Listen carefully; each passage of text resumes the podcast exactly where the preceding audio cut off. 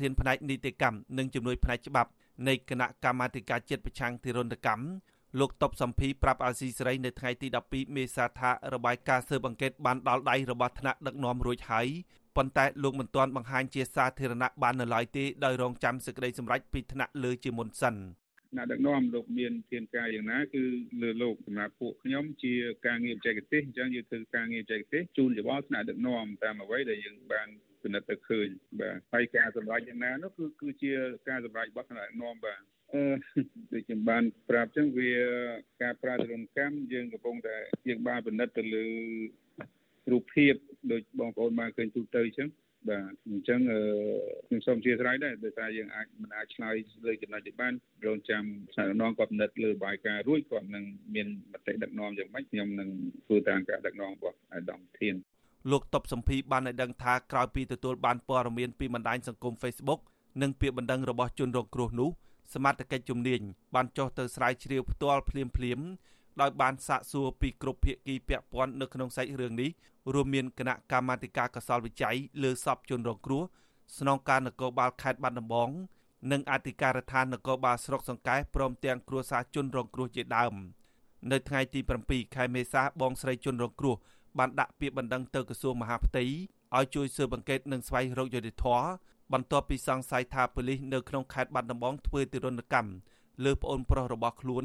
ឈ្មោះពេជ្រធីរ៉េត រហូតដល់ស្លាប់ហើយបង្វែរថាស្លាប់ដោយសារជំងឺគាំងបេះដូងបងស្រីបង្កើតរបស់ជនរងគ្រោះគឺលោកស្រីពេជ្រឌីណាប្រាប់អាស៊ីសេរីថានៅថ្ងៃទី12ខែមេសា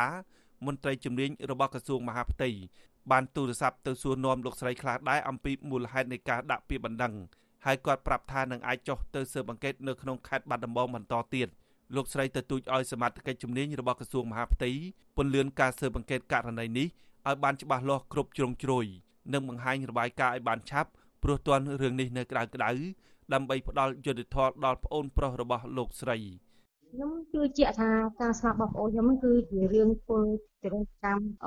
យ៉ាងខ្លាំងទៅលើគាត់ធ្វើទរណកម្មខ្លាំងរហូតដល់គាត់ស្លាប់ទៅមិនមែនជាការទាំងបេះដូងទេថាជំនាញនេះទេគឺមិនមែនខ្ញុំចង់ឲ្យខាងសមត្ថកិច្ចនេះគាត់ចោះស្រាវជ្រាវរកខុសតាងឲ្យគ្រប់ដើម្បីដាក់ទោសអ្នកដែលបានធ្វើទរណកម្មលើប្អូនខ្ញុំដាក់ទោសគាត់ឲ្យសមទង្វើរបស់គាត់ដែលធ្វើមកលើប្អូនខ្ញុំ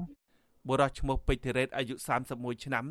និងប្រពន្ធជាច័ន្ទរតនាអាយុ30ឆ្នាំ បានស្លាប់នៅក្នុងថ្ងៃជាមួយគ្នានៅថ្ងៃទី3ខែមេសាហើយបានបន្សល់ទុកនៅកូនស្រីតូចៗចំនួន2នាក់ពួកគេកំពុងរស់នៅភូមិបោះពោឃុំអូដំបងមួយស្រុកសង្កែខេត្តបាត់ដំបងលោកពេជ្រធីរ៉េតបានស្លាប់នៅក្នុងពេលដែលប៉ូលីសចាប់ឃុំសួរចម្លើយនៅក្នុងអធិការដ្ឋាននគរបាលស្រុកសង្កែអស់រយៈពេលចំនួនជាង3ម៉ោង ពាក់ព័ន្ធទៅនឹងការចោទប្រកាន់ថាគាត់បានរាយខ្សែភ្លើងអគ្គិសនីដើម្បីឆក់សម្លាប់ប្រពន្ធនៅក្នុងផ្ទះដោយសារតែរឿងប្រច័ណ្ឌក៏ប៉ុន្តែក្រោយពីកើតហេតុលោកមិនបាននៅផ្ទះឡើយប៉ូលីសអះអាងថាលោកពេជ្រធីរ៉េតស្លាប់ដោយសារជំងឺគាំងបេះដូងព្រោះប្រើថ្នាំញៀនហួសកម្រិតក៏ប៉ុន្តែសាច់ញាតិពិនិត្យសាកសពឃើញមានស្នាមរបួសជាំពេញខ្លួន ចាប់តាំងពីជើងរហូតដល់ក្បាល និងមានហូរឈាមតាមច្រមុះនិងត្រចៀកព្រមទាំងមានស្នាមខូងនៅកន្លែងដាក់ខ្នោះ និងស្នាមជាំខ្លាំងនៅកជើងទាំងពីរទៀតផងអ្នកជំនាញនឹងគ្រួសារជនរងគ្រោះសន្និដ្ឋានថាស្នាមជាំនិងរបួសនៅលើដងខ្លួនសាកសពលោកពេជ្រធីរ៉េតទំនងជាការធ្វើទរណកម្មដោយសារតែការវាយដំ និងឆក់ខ្សែភ្លើងជាដើមព្រោះក្នុងករណីស្លាប់ដោយសារជំងឺគាំងបេះដូងមិនមានស្នាមជាំនោះទេមន្ត្រីសម្របសម្រួលសមាគមការពារសិទ្ធិមនុស្សអាត6ប្រចាំខេត្តបាត់ដំបងលោកយិនមេងលីថ្លែងថាគណៈកម្មាធិការជាតិប្រឆាំងទរណកម្ម កំពុងធ្វើការតាមនីតិវិធីរបស់ខ្លួនដូចជាកំពុងវិភាគទៅលើចំណុចសំខាន់សំខាន់មួយចំនួននិងកំពុងសាកសួរព័ត៌មានបន្ថែមទៀតពីសាច់ញាតិជនរងគ្រោះជាដើមលោកយល់ថាចំណាត់ការទៅលើរឿងនេះមិនយឺតយ៉ាវនោះទេ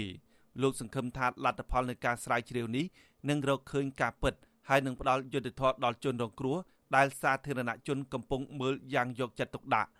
ខ្ញុំបាទហេងរស្មី អាស៊ីសេរីពីរដ្ឋធានី Washington